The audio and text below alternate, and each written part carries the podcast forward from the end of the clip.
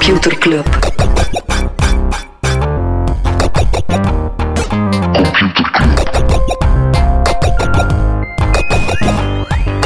Computer Club. Hey Smolly, Hey Freddy, welkom, welkom terug. welkom. Welkom bij Computer Club, een wekelijkse podcast over technologie.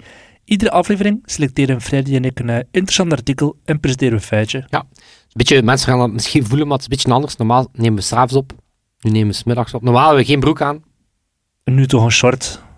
nu toch een short. Geen zijn een broek op ons hoofd, maar Ah, ja. houdt geen steek. Houdt geen steek. Smolly, zijn er zaken dat we het niet gaan over hebben? Ja, Deezer, die zou via een spec naar de beurs gaan en 1 miljard waard zijn. Ik vind dat nu niet zo'n zotte waardering eigenlijk voor zo'n bedrijf dat eigenlijk al jarenlang meegaat. 1 miljard. Het is in alle eerlijkheid wel zo'n bedrijf waarvan ik niet wist dat het nog bestond. Deezer is zo voor alle mensen die, er, die op Spotify of Apple Music zitten, is zo een ander muziekstreaming Ja. platform. We staan ook al lang. We staan echt al zeer lang. Ik denk vooral in Franstalige landen. Ja, het is een Frans eh, bedrijf ook, hè. Populair. Ah, kijk, voilà, voilà, voilà. Ik heb het, eh, iets waar ik het absoluut niet wil over hebben, is eh, Elon Musk en Twitter. Oh god. Die, die man gijzelt onze, onze nieuwsbrief. Mhm. Dat ze, wat een, wat het betwijfelde ook van... de nieuwsbrieven die wij lezen. Ja, die gijzelt gewoon de actualiteit. Zo, op het moment dat Elon ja, zich verveelt, dan zal de wereld het geweten hebben. Maar het is zot, want dan waren ze aan het denken van drie weken op rij, oké. De, laatste, de laatste stik was dat hij dan toch niet in de board wou. Dus Mhm. van, moeten we dan nu nog vermelden? Ja, nee, we gaan het kort pluggen. Letterlijk een paar uur later, Elon Musk wil Twitter overkopen. Echt. Ehm, we hadden een interessante, we hebben die gedeeld in onze Slack, in onze vriendengroep. Ehm, was die dat jij ook gelezen had van Ben Thompson. Mhm. Ehm, die wel rustig het punt maakt waarbij dat er, eh, waar dat echt potentieel in Twitter in zit. En dat is inderdaad een beetje de, ja, de content, moet je het zeggen, ja, de Twitter loskoppelen van de app. Dus Ja, wat, van, wat hij inderdaad zegt is van... Twitter is veel meer dan de iOS en Android app. Hij zegt eigenlijk zou Elon Musk Twitter in twee bedrijven moeten splitsen. Het ene zou de core Twitter service zijn en de andere alle apps en de advertising business.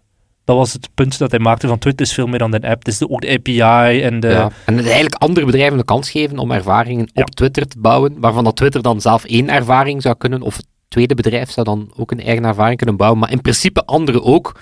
En dan zouden er bedrijven kunnen zijn die zeggen, van, kijk, ja, bij ons gaan we all out voor free speech. Of bedrijven kunnen zijn die zeggen, ja, nee, bij ons gaan we net super ge- gecureerd gaan werken. Of we zijn eh, een tweet die keert inzet op mensen met meerdere accounts die ze moeten Voilà. beheren en zo. eh, dus eigenlijk een beetje terug, ja, het was in, in een nieuwsbrief een aantal keren geleden dat we er ook eh, naar verwezen, een beetje terug naar dat originele Twitter-denken. hè. Ehm, vrijheid, blijheid. Want ja, waar dan Musk wel gelijk heeft, is dat Twitter ehm, onder, eh underperformed op de culturele en maatschappelijke waarde dat heeft. Hè. Dat is Mhm. eigenlijk een, een heel klein bedrijfje, commercieel gezien, voor de, eh, de cult-impact dat het wel degelijk heeft. Yes. Kijk, een eh, cyber-jingle. Tuurlijk. Cybernews. Voilà. Ingesproken door Smolly, zijn Russische nonkel. Ehm, we hadden, eh, waren een aantal weken geleden te gast op het podcastfestival. En Ja. eh, daar hadden we toen onder andere over cybersecurity en over Web3. Eh, aanleiding was toen de actie Infinity Hack. Dat is zo'n eh, play-to-earn game op de blockchain. Ehm, wel, daar zou nu, de dader zou nu Noord-Korea zijn. Ja, of dat zeggen toch de Amerikanen. Eh, Uiteraard. ja, nee, het zou, het zou effectief een Noord-Koreaanse hacking outfit zijn. Ehm, het bedrijf zelf heeft ook 150 miljoen extra moeten ophalen om de 600 miljoen aan gestolen tokens terug te kunnen eh, vergoeden. Oei, oei. Eh, maar ik hoorde onlangs ook dat die, die game eh, ook al serieus voorbij zijn piek is. Omdat het is zo play to earn, dus dan waren er echt zo, ja, was, het was echt de bedoeling van oké, verzamel die monsters, was een soort Pokémon-achtige game. En dan waren er echt al zo Filipijnse clickfarms die dat Mhm. dan voor jou deden. En blijkbaar is dat businessmodel al volledig in elkaar gezakt. Die zijn nu terug views aan het kopen voor uh, Natalia haar videoclips. Is dat een... Die heeft dat ooit gedaan, hè, via zo'n clickfarm, eh, een videoclip eh, gelanceerd, die zo plots 10.000 keer meer bekeken was. Ah, ze had het nogthans niet nodig. Ja, Oké, laat- ga je iets positiefs zijn over? Ja, Eh, Dat weet is een niet. sympathieke dame, denk ik. Ik weet niet. Iets eh, Ja, heb positief nog non-nieuws, no- negatief non-nieuws? eh? positief. Ja, de nieuwe Digimeter is uit. En dat is voor ons nog altijd een beetje onze huwelijksverjaardag, hè. Weet je nog? De... We hebben elkaar voor het eerst leren kennen op zo'n debat van de Digimeter. Ja, de nieuwe Digimeter, voor de mensen die Digimeter niet kennen, dat is toch een beetje het eikpunt hier in Vlaanderen voor mediagebruik, nieuw mediagebruik. Onderzoek bij, wat is het, 3000 mensen of zo. Ja. Ze nagaan van eh, hoeveel per uur per dag zit je op dit, of welke kanalen gebruik je en zo. 188 minuten per dag brengen we op onze smartphone door. Eigenlijk de hele consensus van het Digimeter is, we hebben een bump gekend tijdens de corona. En die is niet weggegaan. Je zou verwachten van, nou, we kunnen terug meer naar buiten. hè, maar nee, wat blijkt, heel veel dingen dat we toen hebben opgepikt, die, zij, die, die zouden blijven doen. Voor eh 52% van de Vlamingen is de smartphone nu het favoriete scherm om geldzaken op te regelen. 57% van de Vlamingen die gebruikt smartphone om muziek te luisteren, eh, voor in vergelijking met een desktop, et cetera. Eh, It's Me ging op twee jaar tijd van 10% adoptiegraad naar 70% adoptiegraad. Dat is echt een enorme boost gekend. En eh, bij de jongeren tussen de 16 en de 24 jaar is Facebook eh, teruggezakt naar 53% dagelijks gebruik, terwijl dat een jaar eerder nog 67% was. Echt wel Hmm. een eh, zware crash daar.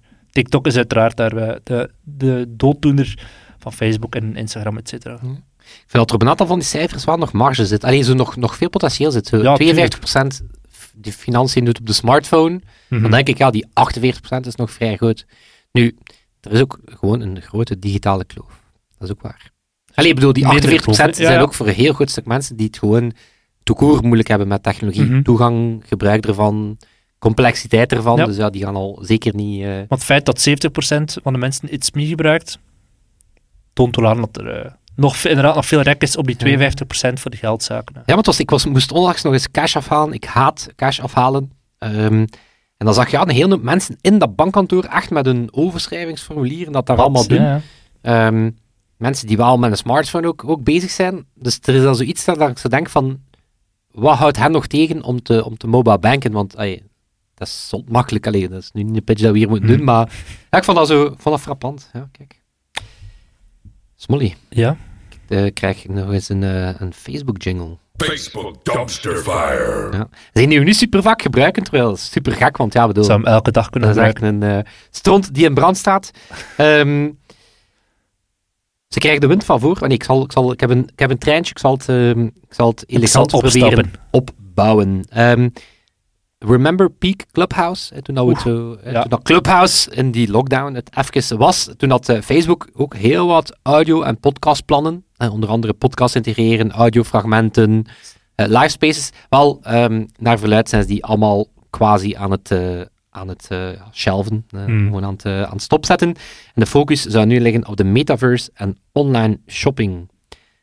Over die metaverse krijgt Facebook, vandaar de dumpster fire, even de wind van voor, want er is gebleken dat de commissie die ze in Horizon World, wat dan hun metaverse space is, dat ze daar, ehm, ja, behalve de kost om, om die app in die App Store te zetten, dat dan iets van een 20% zou zijn, ook nog eens 25% gaan rekenen op alle transacties dat je in die app gaat doen.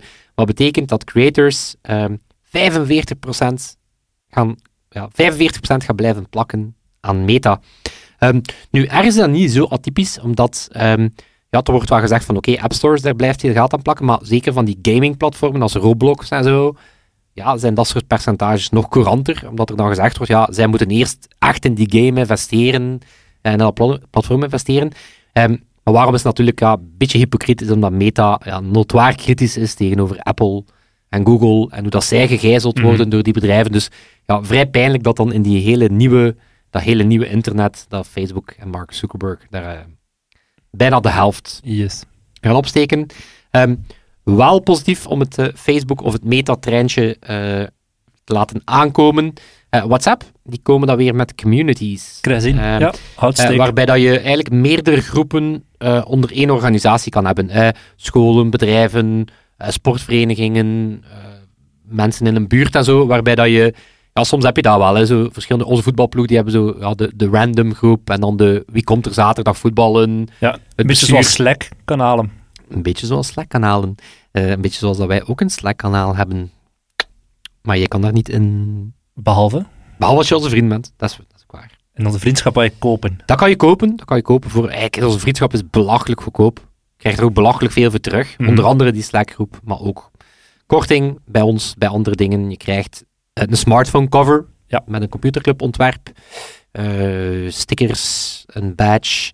Ehm, en als je onze merch koopt, dan krijg je ook toegang tot die Slack-groep. Ja. Dan ben je ook een beetje onze vriend. Vrienden- Nee, ben je ook onze vriend. Punt computerclub.online. Yes. Freddy, waar gaan we het wel over hebben deze week? Eh, ik ga het hebben over ehm, een organisatie die normaal niet meteen mijn vriend is, maar dat ik eigenlijk zelf vrij vocaal Kloekoeksklein. mm, minder... Ja, nee, ja, oké. In dezelfde lijn. In dezelfde lijn. Oké. Ehm, Maar ik zal een brugje, ik zal een inleiding voor je maken. Smolly. Dat is altijd zoals ik zeg, ga een inleiding maken, dan spreek je altijd even zo. Smolly. AI is niet zonder gevaar. Echt? Nee, Dit nee, is het nee. eerste wat ik ervan hoor. Zowel heel dystopisch, hè, van die super AI die de wereld gaat overnemen, maar ook, ja, we we vandaar al merken, ja, de gevaren van algoritmes, foute beslissingen door algoritmes, bias. Wie gaat ons daarvan redden? Jezus. Bijna. Ah, I kid you not, de paus. oké. Ja, nee, echt waar. Eh, super interessant artikel gelezen. ehm, en dat gaat over een priester, Paolo Benanti, een man van 48 Penanti jaar. is penanti. Benanti is Benanti. Eh, en dat is een eh, prof ethiek moraliteit aan de Gre- Gregoriaanse Universiteit. Dus ethiek moraliteit. Denk bijvoorbeeld aan uw amigo Lode Lauwaard, Ja. techniekfilosoof.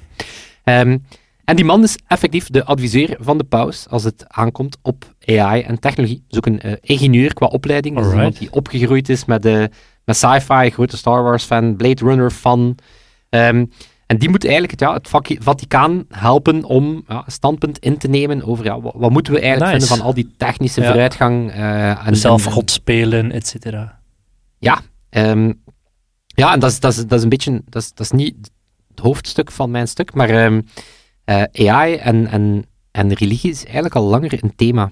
Ehm, weet, je, weet je wat het eerste sci-fi boek ooit is? En het heeft te maken met God spelen. Nee. Eh, nee. Mary Shelley's Frankenstein. Ah. Ja.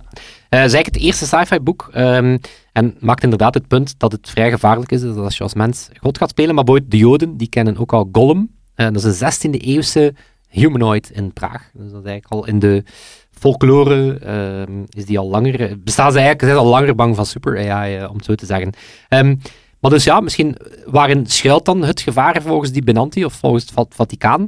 En wat gaat hij eraan doen? En het moet echt gezegd zijn, het is ehm, best zot wat die, wat die Paolo er allemaal aan het, aan het uitspoken is, los van mijn mening over de katholieke kerk. Ehm, maar dus ja, waarin schuilt het gevaar? Oké, het is niet per se nieuw, maar je ziet wel hè, hoe, dat, hoe dat de kerk daar, daar een bepaalde patronen ziet. Dus eigenlijk plaatsen ze AI een beetje op het niveau van andere algemene technologie.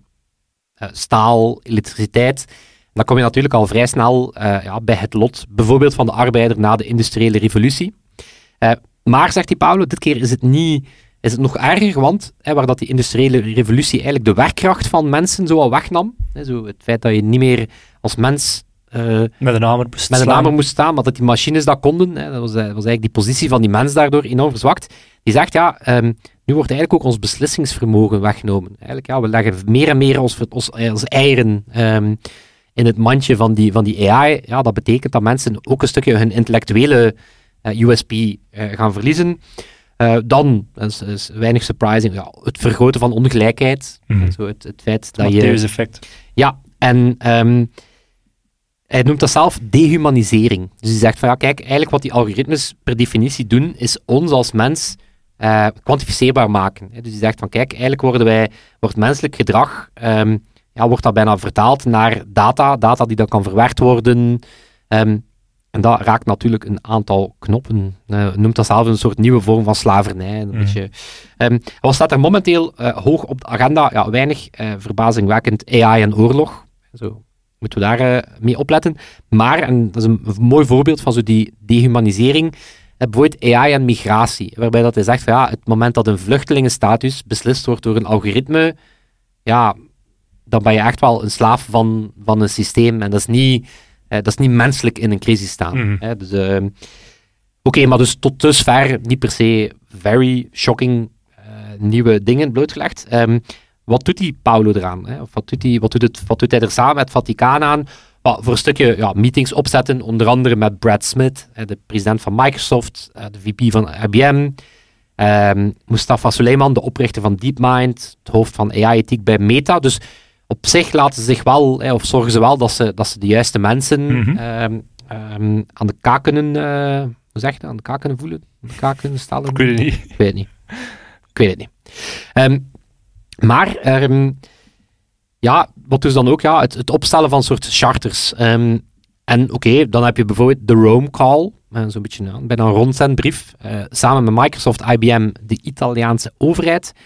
Um, waarbij ze eigenlijk zeggen van kijk, de menselijke waardigheid moet altijd voorrang krijgen op eender welk ander voordeel dat technologie ons biedt. Oké, okay, tot dusver nog altijd niet per se zot. Ehm, maar, en dit is wel echt een zotte, uh, deze maand in mei, uh, of, of, volgende maand in mei, gaat er in Abu Dhabi een gedeeld charter ondertekend worden door zowel het christendom, het jodendom en de islam, waarbij dat ze samen een ethisch charter gaan ondertekenen om de mensheid te beschermen tegen ongewenste effecten van AI. Wat vrij uniek is, want, zegt die mhm. Paulo, dat is eigenlijk de eerste keer dat die drie godsdiensten uh, samenkomen en eigenlijk gedeelde waarden gaan, gaan, uh, gaan onder, onderschrijven. En um, later zou ook in Hiroshima, wat natuurlijk een symbool is voor de, ja, beetje de vernieling dat de menselijke hubris gaan aanrichten, uh, gaan ze ook met alle Oosterse religies hetzelfde gaan doen. Eigenlijk het Hindoeïsme, Boeddhisme en Shinto gaat die Paulo ook een clubje opzetten. Um, Allemaal de krachten bundelen tegen Jan Jan Bon's supercomputer. Inderdaad, inderdaad. Maar hoor je een kritische um, luisteraar uh, ook denken, ja, er bestaan toch wel heel wat van dat soort charters en frameworks. Um, en dat is waar. Een studie van 2019 um, ehm, toont aan dat er uh, ja, meer dan 84 uh, grote charters en documenten bestaan. 90%, 90 daarvan zijn na 2016 ontstaan. Mm -hmm. Was natuurlijk het na... Was, Ze zijn niet bindend.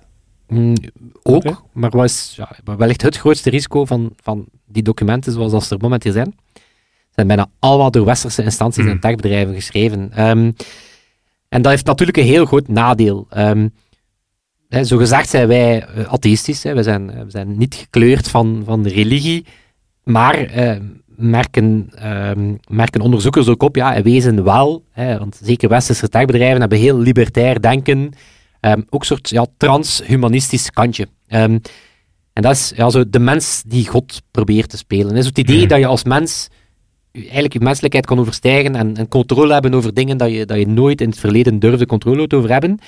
Dat komt natuurlijk vanuit een soort uh, blank mannelijk privilege. Hè, zo, het idee dat wij dat ook effectief kunnen. En dat is het andere nadeel, is het feit dat dat westers perspectief ja, domineert gewoon al die frameworks. Dus um, in die zoektocht naar, um, naar ethiek van algoritmes, um, en dat heet blijkbaar, dat veld heet blijkbaar algorithmics. Okay. Niet zo makkelijk, schrijft ietsje vlotter.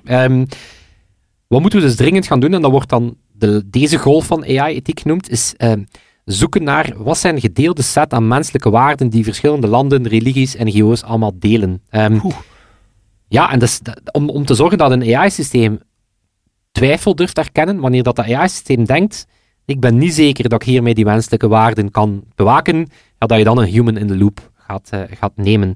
Dus dat is een beetje het einddoel uh, van wat die Benanti wil bereiken, is um, ja, een soort globale gedeelde set aan waarden, wat een zeer ambitieuze... Ja, maar ik zit op de van op zich Noord-Korea dat matchen met, met, met Rusland, met China, met Amerika.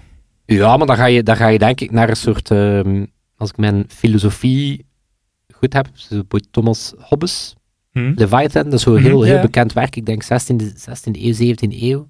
Um, en die, die, probeert een soort, die probeert naar natuurwetten te zoeken of zo. Mm. Of die probeert naar universele wetten, ik weet niet hoe dat het zelf noemt, maar die probeert inderdaad terug te komen naar zo, we zijn het er allemaal over eens dat, dat moord niet oké okay is. Ja. Hè, of, maar het wordt toch al snel veel moeilijker, zo, van ja, wraak. Sommige mensen zeggen niet oké, okay, nooit oké, okay, mm -hmm. soms wel oké, hoe ver is oké. Dus het wordt al snel heel moeilijk op, op een aantal classics uh, na. Maar dus ja, ik vond, uh, ik vond op zich een, uh, een boeiend stuk. Die man, die Paolo Benanti, ziet er ook zo'n beetje Steve Jobs uit. Zo prikkelig baardje, rond bril, blauwe jeans, sportschoenen. Dus het is een beetje de... het is op zich, ja, het is echt een, een geek. als kind beginnen coden op een Olivetti natuurlijk, het is een Italiaan. maar die speelt nu bijvoorbeeld met GPT-3, het, het text generation algoritme, waarbij dat hij al zijn grote filosofische idolen en Dante ingeladen heeft en dan poëzie schrijft over de sterrenhemel en de liefde. Nice. Je zou er bijna fan van worden van de katholieke kerk. Ik ga straks nog zijn over Dante. Uh... Ja, maar dus ik vond het wel interessant, een beetje de, de technologiepaus, als het ware, of toch als is de man die, uh, die de uh, moet vertellen. Cool. maar Bo, ja, het is op zich een ambitieuze, ambitieuze man en hij slaagt er ergens in om toch groepen bijeen te krijgen waarvan dat je ze niet meteen bijeen ziet komen. voilà. Het is iets, iets anders. Ik ga wel over iets anders gesproken. Ik ga even nu een jingle bovenhalen. Computerklas. Ik wil het hebben over een uh, straffe techvrouw, Judith Love Cohen. Een uh, belangrijke aerospace engineer, die onder andere werkte aan de ontwikkeling van de Hubble-telescoop en het Apollo Space Program. Ze was al vrij jong eigenlijk een genie. Eh, ze was het enige meisje voor in haar wiskundeles. Allemaal, de rest waren allemaal jongens. En ze werd door anderen betaald om hun huiswerk te doen. En eh, tijdens haar studies eh, als ingenieur was ze ook danser bij het Metropolitan Opera Ballet Company. En een, een heel toffe anekdote die eigenlijk typeert, of waarom ik het eigenlijk wil aanhalen. Terwijl ze aan bevallen was, eerst nog een aantal cruciale berekeningen gemaakt voor het Aborted Guidance System van het Apollo Space Program. Dus ze was al in het ziekenhuis ja, in, in de ween waren begonnen. Toch nog een paar uh, huiswerk meegepakt, daar blijven verder werken. En uh, dat is een zeer cruciale berekening geweest, want dat was een soort backup systeem dat gebruikt werd als het eerste systeem zou falen. Wat effectief gebeurd is bij die Apollo 13. Ze heeft dus een aantal levens gered, terwijl ze een leven aan het geven was. Oh, prachtig, dat is ook poëzie eigenlijk. Ja, maar nu komt de plot twist. Die persoon... Dit, heel dit stuk is geschreven door GPT-3. Nee, de baby was Jack Black. No way. Yup, de acteur en de zanger van uh, Tenacious D.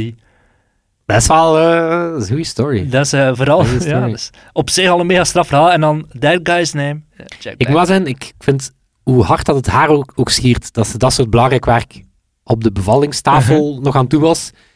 Het geeft me wel minder vertrouwen in de rest van NASA en zo. allee, zo, zo het, allee, nee, doe dat nog. Allee, zo. Ja. Nee, en nog niet uitklokken. Hier, snel. Ja, of, niet als astronaut dat dat ze super geruststellend is. Dat je zo weet dat je, je, dat, je, dat die software ergens tussen de, de zoveelste wee ontstaan is. Ja. Uh, zeer coole... Cool, hè? Zeer coole madame. Yes. Ik uh, was net bezig over Dante. Ik kon even hebben over de hel uh, van Dante. Uh, LinkedIn.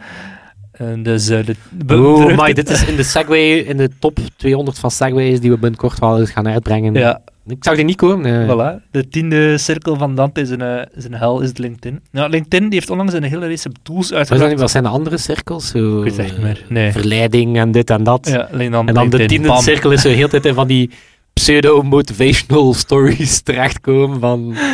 Oh man, of zo van die gestolen... Kom, ja, Dries de Poorter heeft elke dag al een rekker dat uh, dingen van hem ja, op zijn, zijn werk wordt geteerd om een of ander punt te maken van een consultant die een ERP-pakket probeert te verkopen, maar die dan toch zo begint met ah, in Vlaanderen zijn ze, uh, houden ze politici in het oog met AI.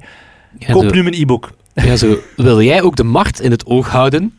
Ja. ja. Als mensen die zo verhalen over kinderen uh, gebruiken of misbruiken om daar dan LinkedIn puntjes mee te scoren.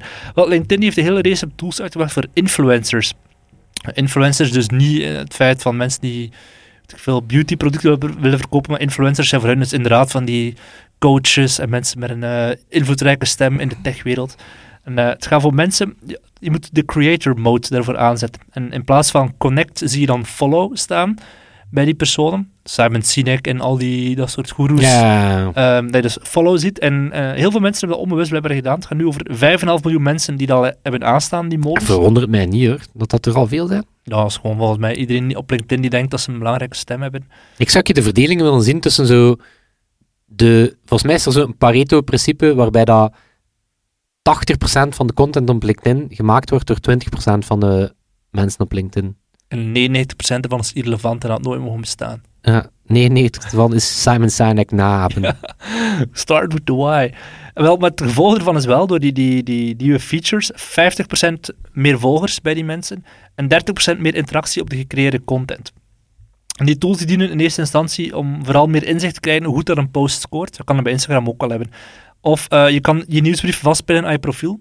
Ik denk dat wij dat nog niet gedaan hebben. Dat zou wel handig zijn voor ons. Ik denk niet dat wij een... Uh... Ah ja, op ons eigen profiel bedoelde. Ja, ja, dat je zo okay, vast okay, kan zijn van hier, zo dat je zo'n een, een tweet vastpint.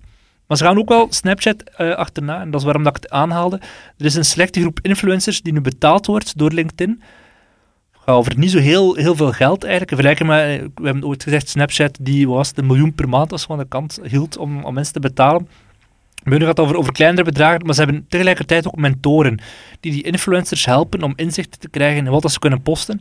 Ze hebben per zeven creators, dat is een geselecteerde groep, hè, is er één mentor die wekelijks of tweewekelijks een call met hen heeft en zegt van kijk, dit zijn onderwerpen die zouden kunnen werken of niet, of hebben jouw data geanalyseerd, dit is wat bij jouw doelgroep werd. Ze hebben ook een podcastnetwerk uitgebouwd, dus het is echt wel de bedoeling van LinkedIn om in plaats, in het begin was het een cv-verzameling, om nog meer in te gaan zetten op het feit dat je een contentplatform wordt, waar mensen dan uh, dingen gaan delen, kennis gaan delen.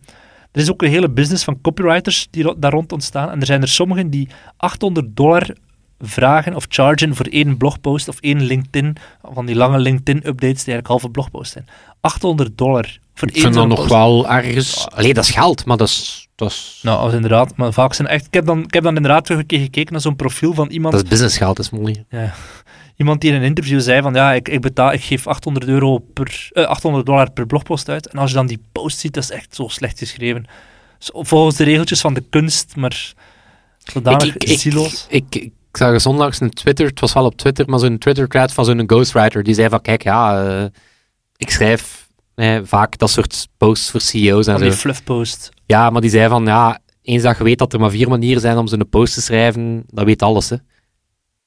Als je de, Ja. ja, letterlijk zo de be humble start, de... Start met persoonlijke anekdote, bullshit. ja. Ik weet het niet meer van buiten, maar het was zo, het moment dat je het las, was van, oh my god, ik heb net effectief 90% van alle LinkedIn-posts Maar net daardoor eh. kan je gaan opvallen door iets totaal anders te gaan doen. Hè? Want iedereen kijkt er nu toch al door, of toch een groot deel van de mensen. Als je dan kijkt naar wie reageert er op dat soort posts, zijn dan vaak totaal niet de mensen die die persoon effectief wil bereiken. Dan zijn dat zo andere business developers die ook iets willen proberen verkopen en zo.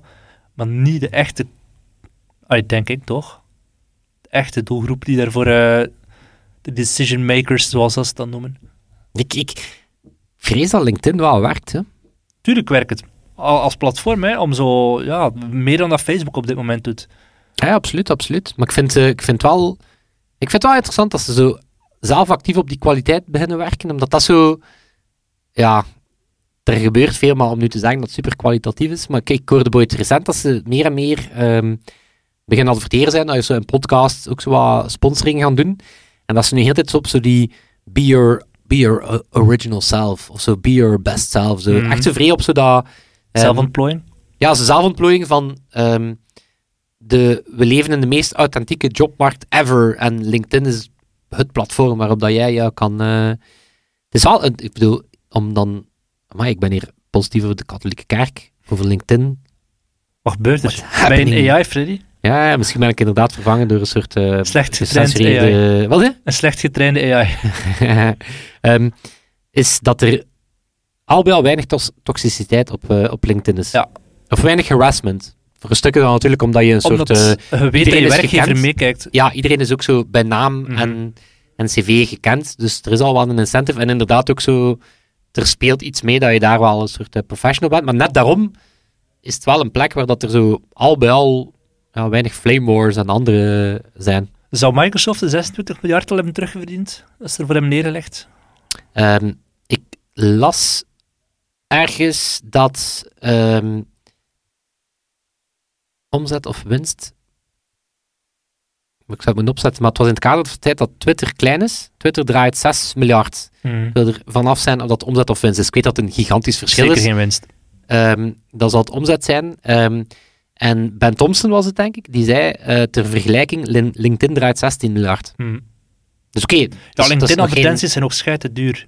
Ja, maar net omdat ze wel ergens hyper-target ja, en, en, Mhm. en omdat ze vaak, omdat ze wel voor, voor dat er nog niet superveel alternatieven zijn om inderdaad naar professionals, food kan inderdaad perfect andere... zeggen, ik wil de VP's in de eh, staalindustrie uit Vlaanderen targeten. En dat gaat op Twitter Ja. en Facebook allemaal Wat ik, niet. wat ik nu moeilijk vind, is zo... Wat doe je nog om iets origineels op LinkedIn te doen, dat dan ook niet meteen bonton wordt? Zo. Weet je, zo... Er was dan bijvoorbeeld die, die carousel, hè, zo van... De Bodderscarousel. Ja, bijvoorbeeld, hè, wat, wat een super mooi format is. Hè, zo de, de gemaakt een mini, mini whitepaper en... Mhm. En dan merkte oké, dat daalt goede engagement. En dan bam, dan zie je effectief alle conculega's. Doen allemaal. Of heel, de, heel LinkedIn doet dat dan. Dus Ja. zo, iedere keer dat je dan iets gevonden hebt, wordt dan ook vrij snel zo. Ja, wordt dan ook gewoon een nieuwe video manier wel om het nog. Ehm, Ik zie veel foto's en tekst, maar nog niet echt veel video op LinkedIn. Ja. Dus ja, een platform er niet voor. ja. Ik, weet, ik twijfel nog altijd op wat ik op LinkedIn doe. Hè. Dus Dus als ik daar een blogpost op zet, dan kan dat wel zo twee, drie weken lang blijven doorgaan. Bij Twitter en Facebook is dat na twee dagen weg, maar op LinkedIn kan Dat is wel waar. Dat is wel waar. Als je een post hebt die engagement haalt, dan blijft die wel zo. Week of twee eh, leven, ja. Eh, that's true. That's true. Maar wat een bijzondere aflevering. Zot. Zot. Ik vind Dan wij vrij heel waar, eh, zijn. Met Jack Black, mooi tussen de katholieke kerk en LinkedIn. Dat is een bizarre plek voor Jack Black om te zijn. Ik denk niet dat Jack Black ooit, gedacht had dat hij daar ging zijn. Maar kijk, Jack, daar zit zo mooi. Daar zijde. Perfect. Ja, wie weet wel dat Jack Black Weet je tussen wie dat wij twee altijd mogen staan, Freddy? Dat is Toon en Sebastian. Ja, die staan daar stevig. Ja. Die staan daar wekelijks. Klaar om onze mix te doen. Wie doet er deze week? Deze week Sebastian. Terug Sebastian. uit En eh, dikke dank aan Sebastian. Uh, eh, ook dank aan onze vrienden en iedereen van jullie uit Computerclub. En dat zal zijn. Tot volgende Tot week. Yo. Computer Club.